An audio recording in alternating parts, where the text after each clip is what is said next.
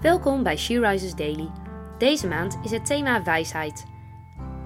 En we lezen vandaag uit de Bijbel Spreuken 11, vers 2.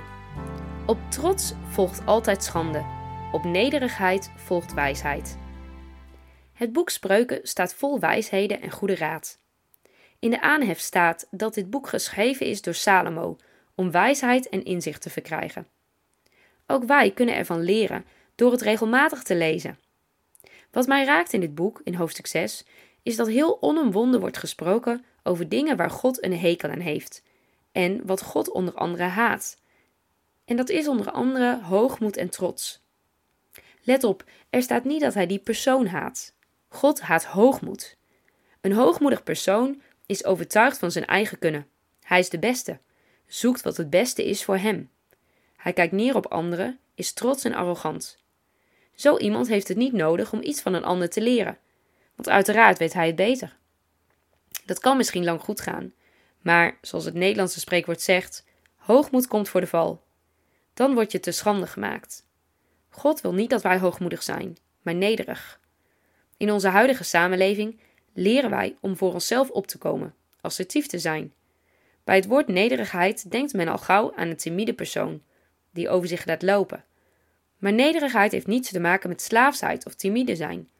Iemand die nederig is, stelt zich dienstbaar op, is open om te leren van anderen en ziet toe op het belang van de ander en niet in de eerste plaats zijn eigen belang. Een treffend voorbeeld van nederigheid is onze Heere Jezus Christus.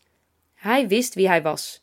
Hij was God, maar legde vrijwillig zijn godheid opzij om mens te worden en voor ons te sterven aan het kruis.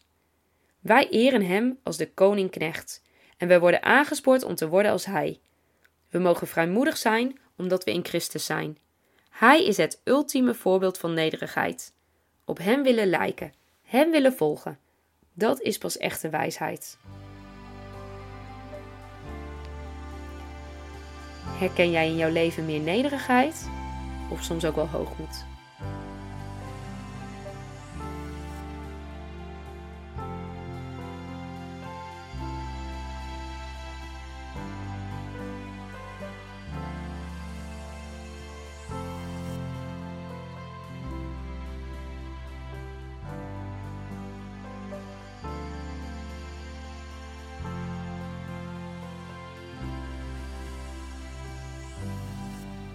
Laten we samen bidden.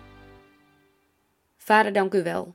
Dank u wel dat u een nederige persoon lief heeft. En dank u wel, Jezus, dat u naar de aarde kwam. Dat u uw godheid aflegde.